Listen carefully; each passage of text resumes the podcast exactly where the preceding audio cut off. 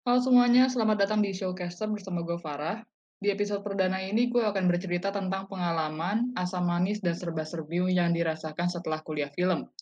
Untuk itu, di episode kali ini gue ditemani oleh Rehan yang saat ini menempuh pendidikan di jurusan yang berhubungan dengan perfilman. Inilah Showcaster episode pertama setelah kuliah film.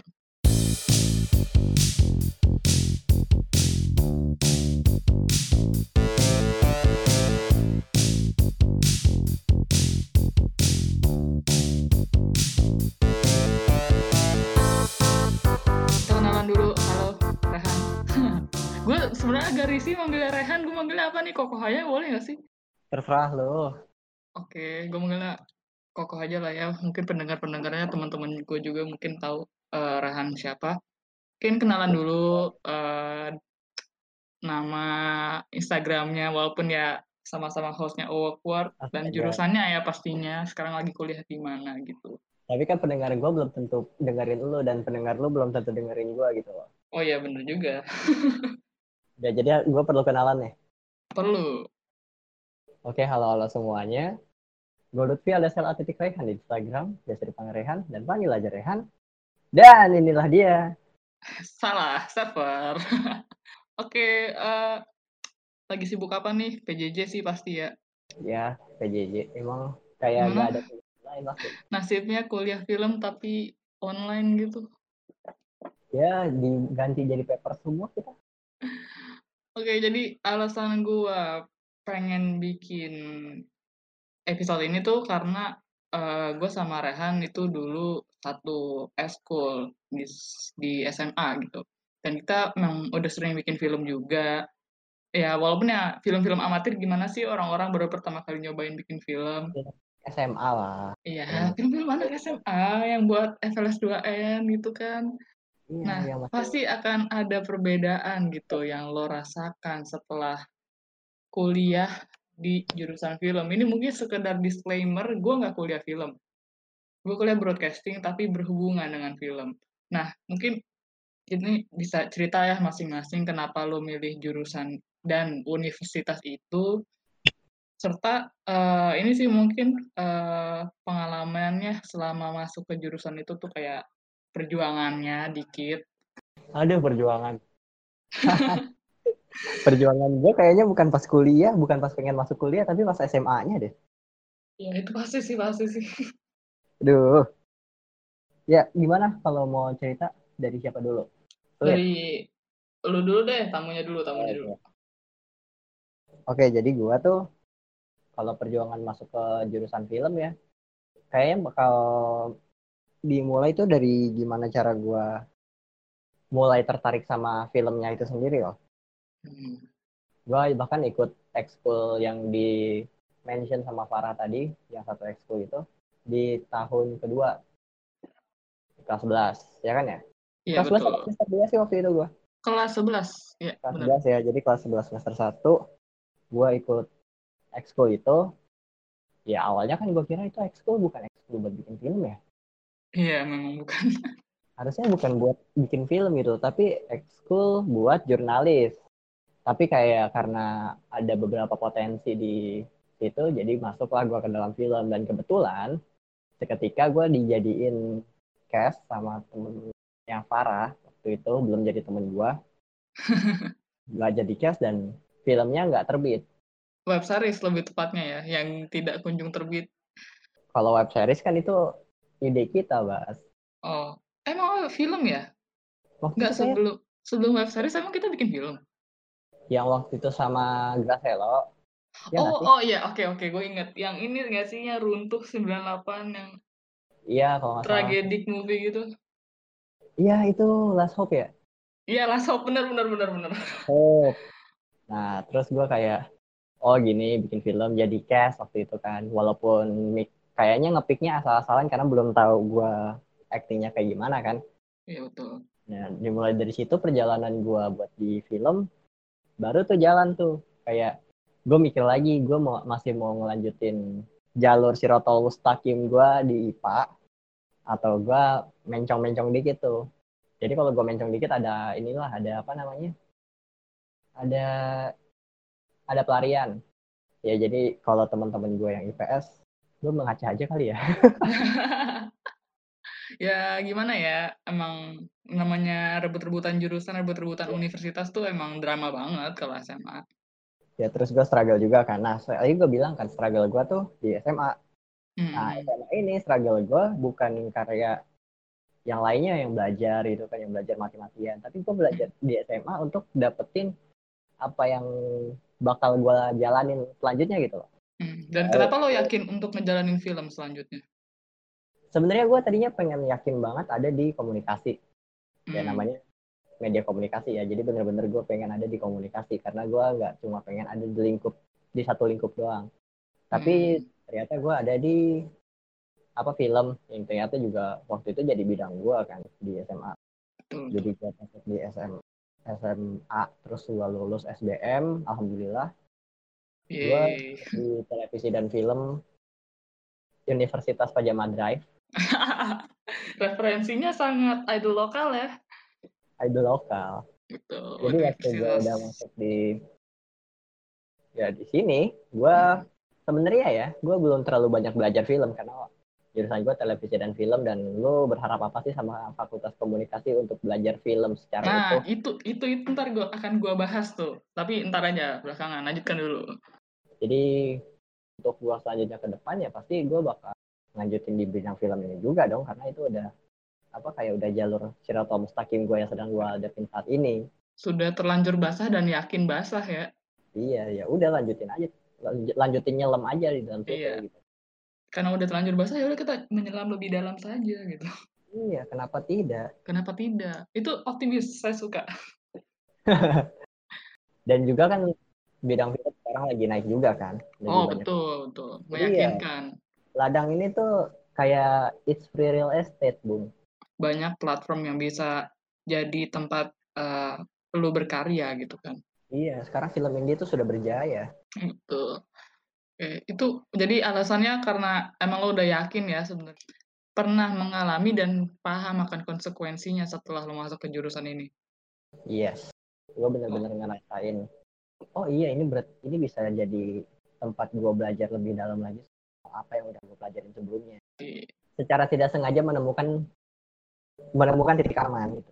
Jadi oh. sengaja gue nemuin titik aman gue apa, uh, apa namanya, beli station ya buat lo Checkpoint checkpoint. Checkpoint, oke. Mungkin kalau trivia dari gua, gue sebenarnya pengen masuk jurusan di universitas yang sama sama, uh, Rehan. Sebenarnya gue pengennya yang seni, gue makanya gue pengennya di ISI Yogyakarta, cuma terlalu jauh. Sampai akhirnya ya opsi paling dekat gue kan sebenarnya ya Universitas Pajama Drive itu, jurusan televisi dan film. Tapi ternyata yang sedekat itu aja gue masih nggak dapat izin gitu loh. Nah, jadi karena gue tahu ada beberapa alumni yang masuk ke uh, jurusan gue saat ini, gue di Broadcasting Universitas Indonesia, akhirnya gue memutuskan untuk masuk uh, Broadcast UI. Dan sebenarnya kita lucu ya, sumpah. Bas. Kenapa? Kita lucu kayak waktu SMA, waktu kita ada di satu ekskul yang sama itu, lu paling hmm. semangat buat masuk ke televisi dan film sedangkan gue kayak anjir gue mau ke mana ya ya gue jujur jujur ini aduh jadi curhat kan sebenarnya gue tuh awal-awal masuk menerima diri gue untuk masuk itu susah cuy dan curhat ke orang-orang aja kayak lu nggak gue nggak bisa curhat ke orang-orang karena orang-orang tidak akan paham perasaan gue karena setiap kali gue curhat kayak ya kan lu udah di UI udah gitu dapat UI uh -uh, sudah di uh. apa ya maksudnya lu dapat mata kuliah yang mengasihkan juga sama. Cuma saat itu kan gue belum ngerasain kuliah gitu gue baru ngerasain ospeknya doang dan gue tuh kayak sering banget merasa kayaknya gue harusnya nggak di sini deh. Karena bener-bener pikiran gue tuh kayak belum dapat checkpointnya betul dan pikiran gue tuh waktu itu Aduh, apa gue nyoba lagi aja tahun depan ya? Dan gue rasa, uh, nyokap gue juga nggak bakal ngelarang kalau misalnya gue emang nggak enjoy, tapi ternyata out of my expectation, ternyata gue enjoy di sini. Benar-benar di luar dugaan gue, ternyata, uh, tidak seburuk yang gue bayangkan, malah jauh lebih baik daripada yang gue bayangkan, gitu. Dan berjalan lebih mulus dibandingkan yang lu harapkan juga sih kata gue. Betul, betul. Antara apa ya, blessing in disguise juga sih. Di satu sisi gue mungkin masih ada sedihnya, cuma uh, lebih besar bersyukurnya gue. Mungkin kayak dapet siraman ilahi kali ya emang nurutin, nurutin perintah orang tua gitu loh. Siraman rohani. Iya, ridho ortu. Terus uh, karena kita berasal dari apa namanya tadi lo bilang jalur siratul mustaqim yang udah lurus ya, gitu loh. Udah udah lurus pokoknya gue mau film gitu. Dan memang sudah pernah mengalami nyoba bikin film sebelumnya. Cerita menarik apa yang lo dapat setelah kuliah film? Terutama setelah di jurusan lo ya yang beda mungkin dari uh, lo kalau kuliah di tempat lain mungkin rasanya beda. Gue sih kayak di SMA SMA lalu gue aduh kasih kecewa gue sama SMA kuliah bikin film itu kan baru sebenarnya ya baru dua kali kalau nggak salah gue di kuliah gue bikin hmm. film pendek dan bahkan yang satu pun gue nggak bisa ikut karena ada halangan waktu itu mm. jadi gue satu bikin kayak mini project jadi cuma bikin film pendek yang cuma berapa menit waktu itu tiga menit atau nggak salah gue bikin film itu emang lebih intens sih lebih dibandingkan sama kita yang waktu masih SMA tuh kayak lebih ya lebih intens aja. Kayak susah jelasinnya kayak gimana ya? Sorry gue motong uh, dikit. Berarti kalau tiga menit tuh lebih kayak simple scene gitu nggak? Iya simple scene. Kayak lebih simple scene dan emang cuma ada di cuma beberapa lokasi doang. Nggak kayak film pendek yang cukup banyak juga lokasinya dan lebih rumit gitu loh hmm. permainannya jadi gue bikin film sih itu itu kan yang lo bilang kayak masih simple scene ya tapi kita ngerasain kayak ini nggak main-main. Nah, betul. walaupun gue bikin filmnya yang bercanda sebercanda apa pun lo ngerasa nggak kayak di SMA film lu lu bikin bercanda aja oke okay. ini udah cukup. Tapi ketika karena gue, ini juga sih kayak tidak ada tuntutan nilai. Ya, Gak ada tuntutan gue juga sebenarnya gak ada tuntutan nilai sih tapi ada tuntutan pride sendiri gitu. Ah betul jadi di SMA tuh ngerasa kayak ya udah kita main-main aja. Kita di sini belajar bareng kita asik-asikan bareng kita bikin film bareng. Dan iya seru bikin film di SMA tapi di kuliah lebih intens lagi lebih menantang lagi dan kayak gue bikin yang sependek itu yang sesimpel itu ya kita bisa bilang itu simple ya. Dan sebercanda itu sebenarnya itu lebih apa lebih passionate gitu loh lebih menggairahkan itu. Ada sesuatu yang beda ketika lu berkumpul sama orang-orang yang sebenarnya udah punya latar belakang yang sama kayak lu dan lu bikin project bareng sama mereka. Jadi merasa punya teman yang satu visi ya gitu. Iya, karena lu nggak bisa mungkirin kalau ketika lu udah ketemu sama orang yang backgroundnya sama kayak lu dan lu ngidadiin visi bareng sama mereka, itu bakal jadi lebih seru dan lebih asik gitu. Lu hmm. pasti ngerasain kayak gitu juga, karena gue tau lu lebih banyak bikin film daripada gue ketika kuliah. Ya itu juga gue rasakan sih, mungkin selain perbedaannya, tidak ada tuntutan ketika SMA berbeda dengan saat kuliah dan tidak ada pride yang dibawa, gue memang merasa punya teman yang satu visi itu penting. Lu gak akan bisa kerja sama orang yang uh, tidak punya tujuan sama dengan lu. Yes. Uh, yang menarik dari gue setelah kuliah film, Gak, gue gak kuliah film sih, astaga. Maksudnya gue dapet materi yang sama dengan orang kuliah film. Mungkin ini sih, uh, karena kan gue nggak pernah tahu perbedaan kayak rincinya sekolahnya diploma sama sekolah yang reguler, adalah gue akan lebih banyak praktek daripada uh, teori gitu. Justru itu kayak dua mata pisau di satu sisi gue punya portofolio dan pengalaman lapangan yang jauh lebih banyak daripada orang kuliah film mungkin yang S1 biasa gitu. Bukan maksudnya beda ya sama yang isi sama IKJ kan emang mereka jelas seni jadi pasti prakteknya juga banyak. Cuma mungkin kuliah-kuliah film yang mungkin sama kayak Unpad yang di bawahnya masih komunikasi kayak salah satu perguruan tinggi swasta mungkin gak sebanyak gue uh, prakteknya. Jadi mungkin gue unggul di lapangan tapi di satu sisi gue merasa lack of literatur banget cuy. gue jarang banget baca buku, jujur. Kayak teori-teori segala macam itu kayak lu mau gak mau harus gali sendiri dan ketika gue diskusi sama uh, alumninya, alumni gue yang kebetulan jadi asdos gue kemarin, dia bilang ya lu nggak akan bisa jalan kalau nggak ada literatur. Jadi walaupun lu nggak dikasih, walaupun uh, jarang dipakai lo tetap harus nyari literatur dan itu sih yang menarik dari jurusan gue bener. Walaupun gue banyak banget prakteknya sampai ngabisin banting badan banting tulang. Dan banting tepong dan penting itu juga tapi kayak gue sadar kayak gue nggak bisa terus-terusan cuma asal bikin gitu loh tanpa ngelihat uh, pedoman.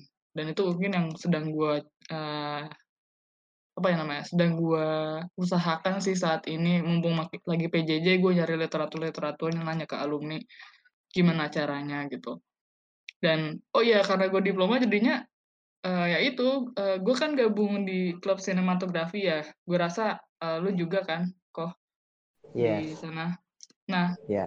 di gue itu gue bahkan belum ngumpul satu kali pun setelah keterima sebelum keterima gue masih sering ngumpul waktu ospek tapi setelah keterima gue tuh gak pernah ngumpul satu kali pun. Saking gue pulang tuh udah capek syuting gue juga masih ada uh, ngerjain tugas tuh.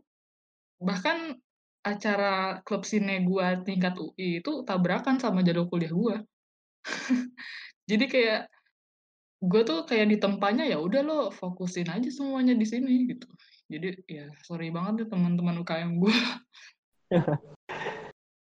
emang gak ada kita juga sih kalau banyak ini ya kalau banyak praktek. Iya betul. Terus ini ya mungkin perbedaan yang lo rasain setelah eh sebelum dan setelah lo kuliah film. Mungkin secara teknikal kalau lo syuting atau mungkin feelingnya setelah lo ketemu teman-teman kayak yang tadi lo bilang gitu. Tadi sebenarnya udah ada lu senggol-senggol sih mm-hmm. yang masalah itu. Jadi kayak lu bikin film sekarang tuh gak bisa salah-salahan Iya bener.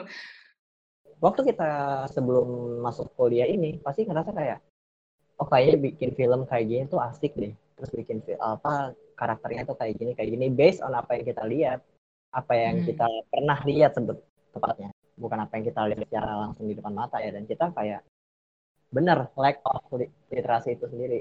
Hmm.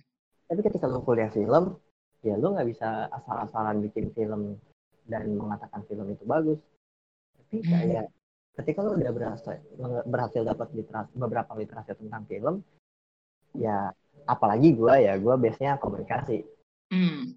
karena basic gue komunikasi jadi film yang baik itu bukan film yang sekedar nunjukin apa bagusnya ini film tapi apa yang berhasil lo sampaikan dari film itu gitu Kayak dan itu balik every lagi movement, ke... every angle, every apa ya, every technical uh, teori itu harus ada perwakilan visi. Jadi kayak tujuan lo apa gitu kan? Iya tujuan lo apa? Terus kayak semuanya tuh bakal berujung lagi ke awal kita. Lu bikin ini tujuannya buat apa? Terus lu udah yakin apa enggak kalau ini film itu sesuai sama realita yang ada di lapangan? Hmm. Terus mungkin ini kali ya, udah bisa sotoy ngebahas film kalau abis nonton. Iya, udah bisa sotoy kalau abis nonton film. Wah ini nih, melanggar garis imajiner. Gila, ini pasti Oscar sih, ini Oscar ya, Oscar. Wah ini kalau nggak dapat Oscar berarti politik. ini ada politik dalam Oscar nih. Tapi itu gue rasakan juga sih, maksud gue, selain bisa malu dikit ngelihat film-film lama gue, tapi uh, emang kalau kata orang udah bisa sotoy kalau kata dosen gue. Selamat ya udah bisa sotoy kalau habis nonton film. Dan itu mungkin agak sedikit dirasain teman-teman gue, kemarin ada ada salah satu salah satu teman gue ngechat gue, dia habis nge-rewatch salah satu web series dari produk di YouTube yang lumayan terkenal juga, yang main juga nggak main-main, cuma lebih baik tidak usah gue sebut. Terus dia ngechat gue, dia bilang, "Far, gue habis nyoba nonton ini nih judulnya." Terus gue baru sadar melanggar garis imajiner. Terus kamer kameranya nggak pakai tripod. Semua technical tuh punya arti sendiri dalam satu film yang sekarang harus kita buat gitu. Oke kita mungkin langsung oh ya bahas ini nih. Problematikanya lo kuliah film tapi lingkupnya komunikasi. Permintaan tannya tuh komunikasi bukan seni. Dari lu dulu mungkin. Tadi sih gue bilang kayak hmm. uh, kalau film seni kan ya kalau ketika kita ngerasa itu filmnya udah sesuai sama harapan kita itu filmnya eh kalau filmnya itu sesuai sama harapan kita dan apa buat beberapa kalangan itu adalah film yang bagus itu adalah film yang bagus. Mau lu bilang informasinya nyampe ataupun enggak itu adalah film yang bagus. Karena kan kalau film seni kalau pendekatannya seni ya pasti dibikin seseni mungkin kan. Kayak lebih kalau mungkin bisa lebih berpuisi bisa lebih berpuisi atau enggak apa lebih lebih jalan di dalam efek seninya kan sedangkan kalau tadi kalau efek ah efek efek komunikasi Pak Deddy Mulyana, yeay. Kalau kita ngambil dari pendekatan komunikasi, kayak gue, yang dipentingin itu ya bagaimana cara kita berkomunikasi dari satu media massa yang disebut film. Hmm. Satu media komunikasi massa yang disebut film itu, jadi ya film kita nggak bakal bagus kalau kita nggak bisa nyampein pesannya. Sebagus apa pun kita ngatur itu film, biar jadi film yang bagus. Tapi balik lagi, sejelek apa pun film lu, kalau lu nyampein pesannya dengan baik, lu berhasil bikin satu film. Even though lu gak suka sama filmnya. Kadang kayak problematika sendiri sih. Dituntut untuk menyampaikan pesan ya, dan pesannya harus tersampaikan ke si receiver itu. Iya. Kalau dari gua mungkin, oh lu dulu, apa tadi yang kurang? Nggak mungkin kan lu kan kayak tadi gue bilang lagi nggak mungkin kayak lo mau bikin film masalah-masalah yang penting filmnya nyampe kayak masih banyak banget teknik yang harus seni gitu loh.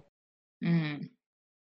Kalau lo ngeliat eh, mungkin jurusan yang sama tapi dari universitas atau institusi seni, lo merasa, aduh ini orang kok kayak bikin film terus, seni mulu, praktek mulu, terus lo berhadapan dengan kajian terus, mengkaji apakah film ini begini, begitu, lo merasa agak janggal nggak sih? Atau sesuatu mungkin yang lo rasain karena lingkup lo tuh komunikasi gitu loh?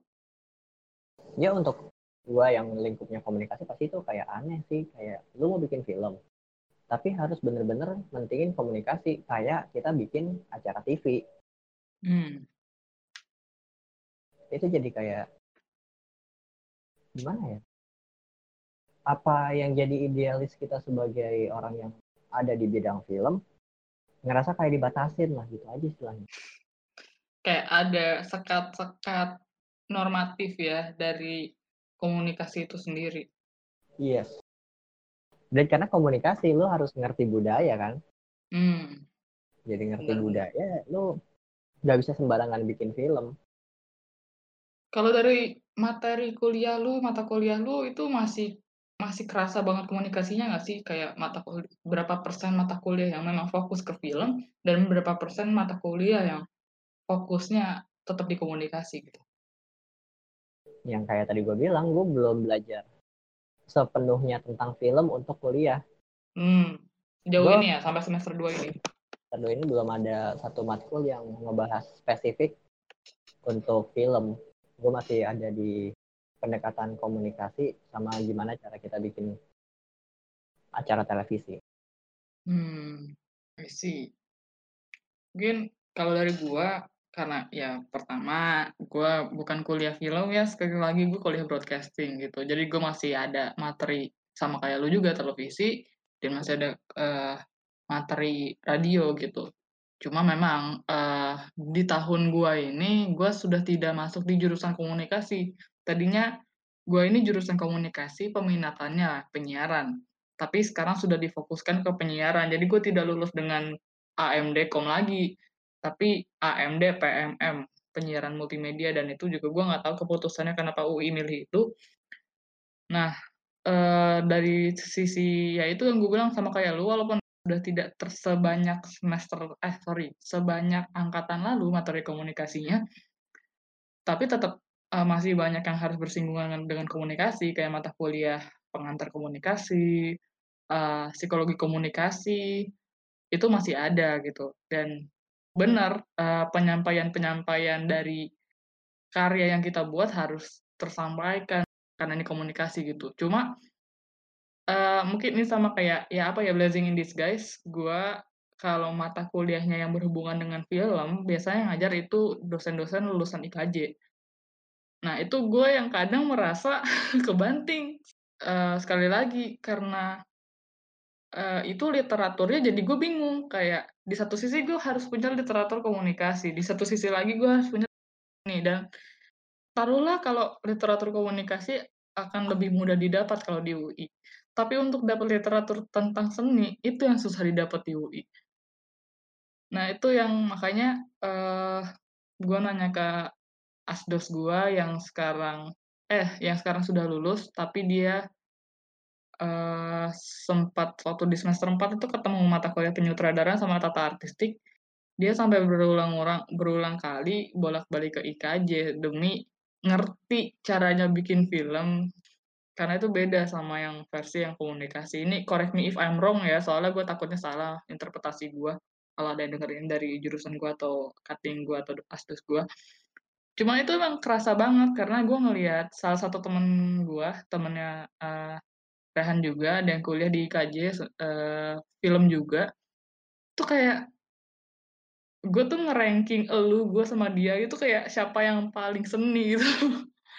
Siapa yang paling apa ya bukan paling sih bukannya gue ngebandingin tapi kayak uh, pengarahannya dan juga adaptasinya ketika lo bikin karya itu pasti beda Walaupun gue tetap enjoy di sini gitu, cuma kadang-kadang ada batasan-batasan antara si komunikasi dan si seni itu yang kadang jadi bikin gue bingung gitu.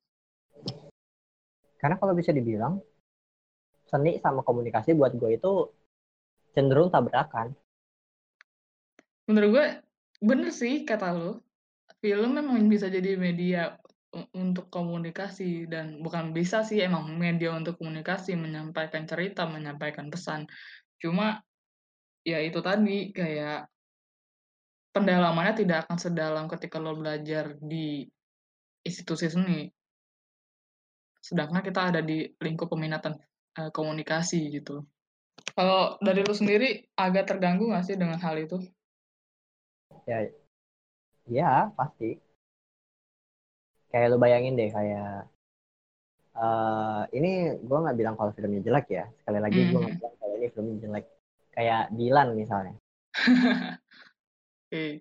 Dilan itu bisa narik banyak penonton karena pendekatannya nggak terlalu seni hmm.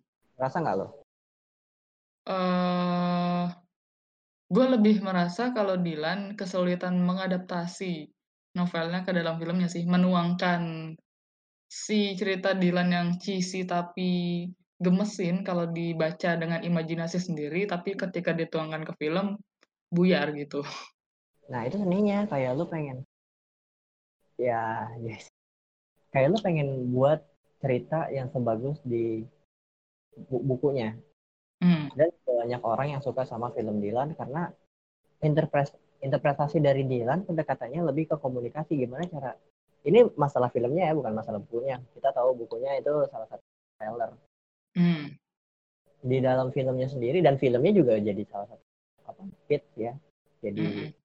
dan mempengaruhi banyak banget apa orang untuk mengikuti gaya film Dylan. Bahkan perfilman Indonesia juga jadi banyak yang polanya ngikutin sama Dylan. Stylenya ya terutama storyline-nya. Mm kalau kita balik lagi kita bolak-balik ke seni sama komunikasi di apa yang di apa yang dibikin seni sama Dilan itu nggak sebanding sama apa yang dijadiin komunikasi dan pesan-pesan yang disampaikan sama penulis sutradara sama sutradaranya. Oh oke, okay. gue mulai mengerti arah lo. Mungkin gini kali ya maksudnya. Kalau filmnya seni banget, mungkin akan ditujukan untuk lebih ke uh, film-film festival. Iya, lebih ke festival. Tapi kalau untuk film yang pendekatan yang untuk menyampaikan pesan, maksud lo mungkin kayak film-film komersial seperti Dilan? Hmm. Tadi gue bilang kan, kayak komunikasinya, pendekatannya komunikasi, jadi kayak ya gimana caranya biar ini film bisa jadi populer di masyarakat, bisa jadi tren pola di sinema Indonesia, dari gimana ceritanya biar ini film bisa nunjukin romansanya Dilan. Hmm. Kita nggak bisa bilang kalau film Dilan ini apa sepenuhnya jelek karena balik lagi ke komunikasi. Komunikasi kan apa dinamis ya. Hmm. Jadi nggak apa lu bisa bikin film Dilan berhasil dan film Dilan itu jadi bagus kayak gitu karena di dalamnya bikin komunikasi dan banyak orang yang suka gara-gara kayak gitu gara-gara hal itu Hmm. Terlalu Tapi- berusaha nunjukin Tapi cheesy itu eh, sebenarnya nggak buruk loh. Tergantung pasarnya juga. tergantung pasarnya kan jadi Ah, kayak kalau tadi yang kayak lu bilang kayak ini film terlalu terlalu mencoba untuk mengangkat sisi cheesy-nya si Dilan tapi nggak sebaik itu Hmm. untuk di seninya juga kayak masih masih ada beberapa rasanya yang kurang gitu loh untuk Mungkin ini kali ya, karena ya seperti yang gue bilang tadi akan sangat berbeda ketika lo nonton ya film-film memang ditunjukkan untuk apresiasi seni dengan film yang eh ya seperti yang lo bilang tadi mungkin pasar gitu, selera pasar. oh coba kita bandingin deh film-film kayak gini deh gue baru dapet juga nih baru mikir juga. Lo bandingin bagaimana se- bagaimana sebesar apa antusiasme masyarakat buat film Dilan dan segila apa protes untuk film Kecumbu Tumbuh Indahku. Kecumbu Tumbuh Indahku adalah film yang seni bahkan judulnya aja seni banget. Seni banget sastrawi judulnya. iya sastrawi. Hmm. Tapi memang akan selalu ada sekat antara ya memang film yang ditunjukkan untuk komersil dengan film-film yang eh, tujuan eh, mungkin festival film itu sendiri gitu loh. Kayak film Humba Dreams-nya Riri Riza, Mas Riri sempat bilang memang film itu hanya akan ditayangkan terbatas gitu. loh. Mungkin Ya, kayak gitu kali ya kayak- kalau komunikasi sama seni gitu. Iya beda jauh sih Mm. Jadi selama ini kita mungkin lu juga sama karya-karya yang sudah lo buat sampai hari ini lo kuliah di sana sejauh ini masih pakai pendekatan komunikasi ya. ya dan gue harus terus ber, apa berada di berada tetap di jalur komunikasi itu sendiri Iya. ya kita nonton lu entar lu lulusnya apaan gelarnya? Eskom Eskom SIKOM, SIKOM ya. Iya. Oke. sama kayak lu bandingin inilah apa eh, nanti kita cerita tentang hari ini dengan segala relatable-nya sama masyarakat kita terutama remaja Iya. Tuh itu sutradaranya kebanggaannya dosen-dosen gue banget itu. iya benar sama kayak apa ya ya sama kayak Dilan tadi jadi kebanggaan untuk Bandung. Bandung. jadi Bandung Raya. Wih, Bandung Bandung Raya. Raya. Karena kan gue Bandung coret. Bandung coret. Ketika ditanya kuliahnya Universitas Pajama Drive di Bandung, mau mampir. eh gue mau mampir nih gue ke Bandung. Lu di Bandung kan ya? Di Pajama Drive kan lu? Eh iya. Di mananya deh? Gue ada di ini. Gue ada ada di, di Dago nih. gue ada di Wah, Dago itu mah di UPI. eh gue ada di PPJ loh Ekspektasi lanjut. PPJ kenyataan jatuh. ya lu gak bisa ke mana-mana selain Jatuh Jati New York Jati New York Yang penting lebih adem daripada kuliah di Depok ya. enggak juga sih kalau lagi terik ya terik Oh ya bener, trek-trek setidaknya AC nyala. yang penting AC nyala dan ketika malam lu bisa di luar dulu sebentar untuk Apa ada saran yang mau sampaikan untuk adik-adik yang mau kuliah film atau teman-teman yang mungkin kepikiran untuk kuliah film dan harapan lo setelah lo lulus kuliah film ini apa? Buat lo sendiri mungkin atau buat perfilman Indonesia? Atau buat jurusan lo juga nggak apa-apa. harapan untuk adik-adik saya ini terutama yang pengen UTBK bulan Juni nanti nih. Kalau lo pada dengerin podcast ini terutama teman-temannya Bas atau adik-adiknya Bas adik teman-teman adiknya Bas kuliah film itu nggak se nggak serumit yang lu pikir. Hmm, bagi apa pun yang lu lakuin pasti lu bakal belajar dari basic itu mau di seni atau enggak di komunikasi kayak gua. Just atau bahkan vokasi kayak parah pasti kita bakal dapat basicnya lagi walaupun emang enggak se apa gimana sih bilangnya ya kayak spe- spesifikasinya tuh enggak se gila di seni kalau di komunikasi. Hmm, ya kalau lu pengen pengen di film kalau lu memang bener-bener pengen fokus di film seni yang buat festival dan sesuai sama keinginan lu dan bener-bener ngekspresiin diri lu ya pasti seni dong. Itu seni bakal jadi lahan yang tepat banget buat lo tapi kalau lu pengen bikin gimana caranya biar lu punya ide lu punya apa lu punya ide lu punya tujuan dan maksud yang lebih spesifik untuk disampaikan ke banyak orang komunikasi itu jadi pilihan yang tepat. Itu bedanya seni sama komunikasi tadi gue bilang. Hmm. terus, terus lagi harapan lu buat mungkin jurusan lu mungkin lu sendiri atau mungkin buat perfilman Indonesia ke depannya? Perfilman Indonesia atau buat gue sendiri atau bahkan buat orang banyak? Ya jangan cuma ngelihat film dari pendekatan komunikasi sih kata gue kayak lebih bisa, lebih bisa menghargai seni itu sendiri. Tadi gue bilang kayak komunikasi sama seni itu cenderung tabrakan tapi ketika lu bisa nyampurin seni sama komunikasi di tempat yang tepat, bakal bakal menciptakan satu karya seni yang bisa dinikmati sama semua orang.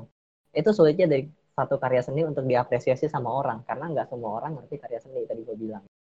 Uh, eh, gue sempat mungkin baca salah satu tweetnya. Gue tidak tahu ini uh, bisa uh, relate sama uh, pernyataan lu barusan, tapi uh, kemarin gue sempat baca yang salah satu ada kisruh-kisruh uh, SNMPTN gitu, uh, ada salah satu tweet yang bilang, uh, kesalahan orang ketika membandingkan, uh, suatu apa, karya seni adalah kadang-kadang orang melihatnya dari sisi eksak. Iya, betul. Seni itu nggak eksak. Itu alasan kenapa kita ada di sosial, walaupun kita berhubungan dengan statistik kan, saudara-saudara. Oke, terus Mungkin buat perfilman nih, karena lo akan terjun ke dunia perfilman, industri perfilman Indonesia. Karena perfilman Indonesia semakin lama semakin besar dan semakin lama polanya juga sebenarnya semakin monoton sih. Maaf banget ya kalau ada beberapa maker yang dengar. Tapi gue ngerasa banget kalau film di Indonesia itu semakin lama semakin monoton, semakin ngebosenin. Gue berharap banget sama perfilman Indonesia untuk lebih luas mengeksplor semua sisi dari film, semua genre, semua teknik. Kita bisa kita bisa bikin perfilman Indonesia tuh se apa nyaman untuk semua orang gitu loh. Enggak cuma nyaman untuk perspektif komunikasi, tapi juga nyaman dinikmati secara seni. Hmm. Walaupun emang semuanya balik lagi ke uang dan statistik. Balik lagi seperti yang gue bilang barusan. Kita harus bisa mengapresiasi seni lebih baik lagi. Kita harus bisa ngelihat semua seni itu dari berbagai perspektif, bukan dari sisi per, apa sisi eksak yang harus lo apa yang harus lo keluarin semuanya. Semua karya seni itu harus diapresiasi karena semua seniman meletakkan semua tenaganya, semua impiannya, semua cita-citanya, semua tujuannya, semua visinya dalam satu karya seni. Hmm. Anjir, gue balik lagi ke masa SMA gue. Hai, makasih Cina Pramuka. Mungkin kalau buat gua, uh, harapannya buat tadi mungkin buat adik-adik yang pengen kuliah seni, kuliah film, gue menyarankan untuk, uh, kuliahnya yang di seni aja sih. Nggak, Kalau lu pengen bener-bener bener-bener pengen ngedalamin film, seni itu pilihan yang tepat, bener sih. Iya. Uh, maksud gue nggak nggak ada kesalahannya juga kalau lo kuliah film dan hubungannya sama komunikasi kayak gue dan Rehan, nggak nggak salah seru-seru kok seru juga. Di gua bahkan tetap lebih banyak praktek daripada teorinya. Cuma uh, gue merasa lu akan bisa lebih bebas berekspresi dan lebih bebas mengeluarkan segala ide lu buat karya kalau lo ada di institusi seni gitu. Gue nggak tahu sih kayak mungkin uh, mungkin gini sih bahas kayaknya. apa? Lu mau bagaimana cara praktek biar lu lebih advance untuk bidang itu atau lu mau mencari literasi lebih biar lu bisa ngedalamin hal itu. Hmm. Kalau literasi lu pengen dapat literasi lebih, lu pilih di komunikasi. Tapi kalau lu pengen lebih advance dalam gimana kemampuan lu membuat satu karya ke seni.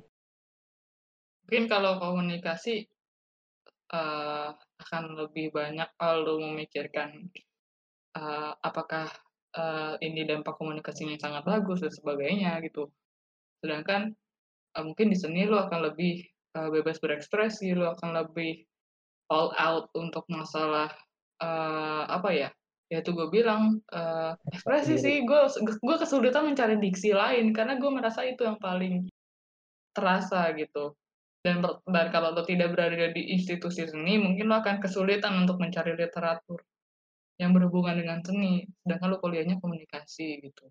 Iya, Terus, tergantung mau pendekatan lo karena semuanya baik lagi ke diri lo. Mm -mm. Yang lo Tapi mau itu, eh, seperti yang gue bilang, eh, eh tadi seperti lo bilang tidak serumit itu juga sih untuk belajar film. Gue akui capek, capek.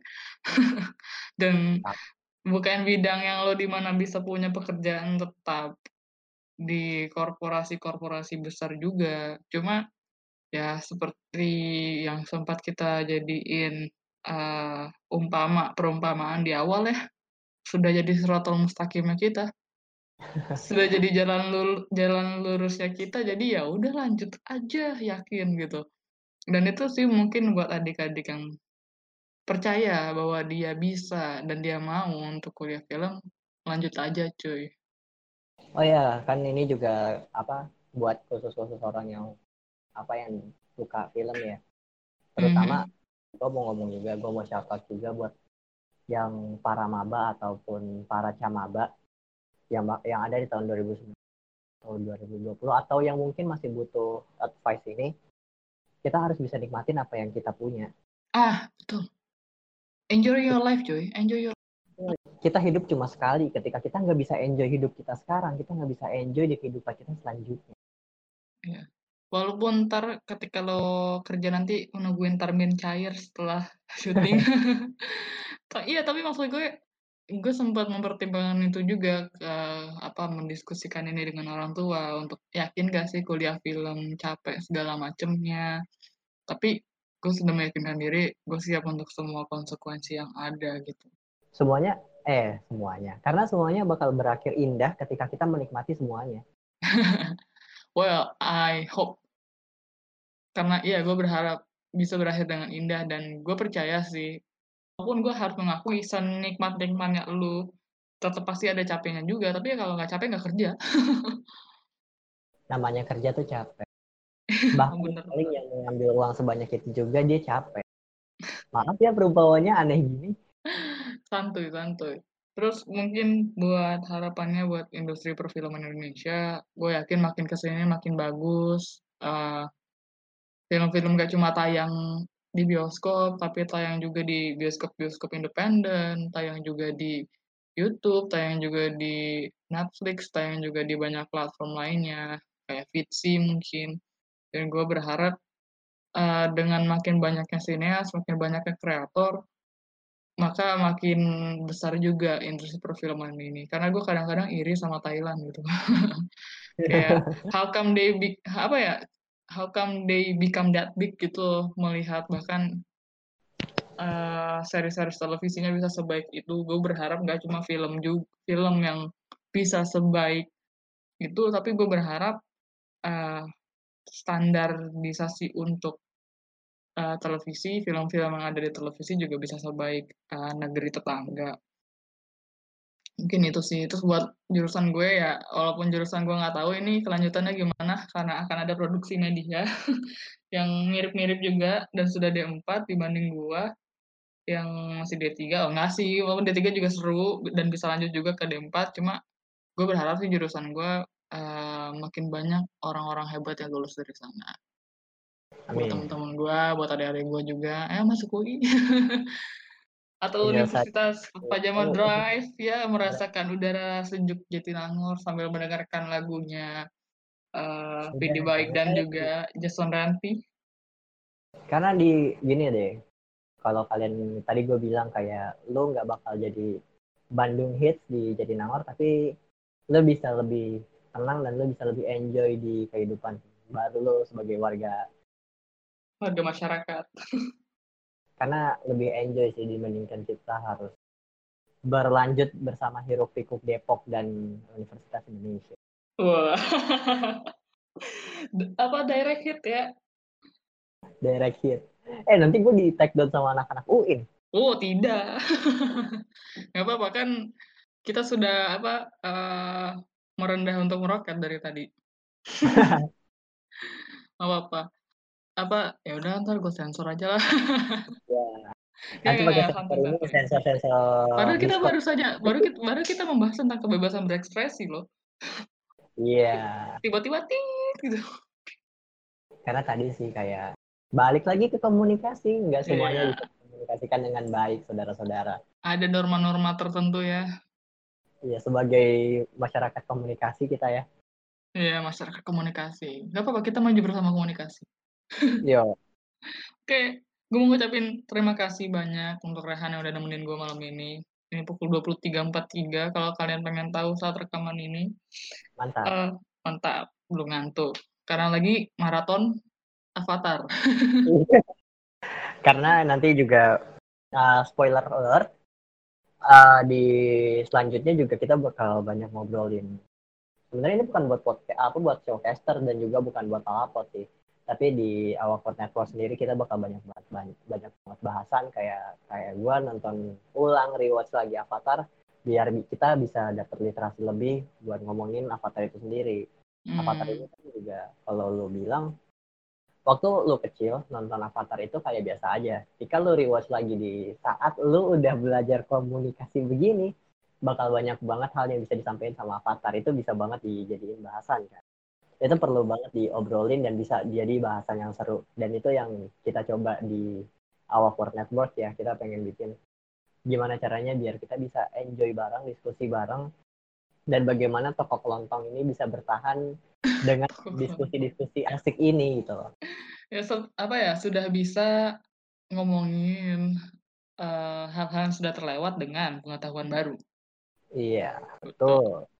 Oke, jadi sekali lagi gue ngomong makasih eh, buat Rehan yang udah mau jadi narasumber gue di episode perdana ini.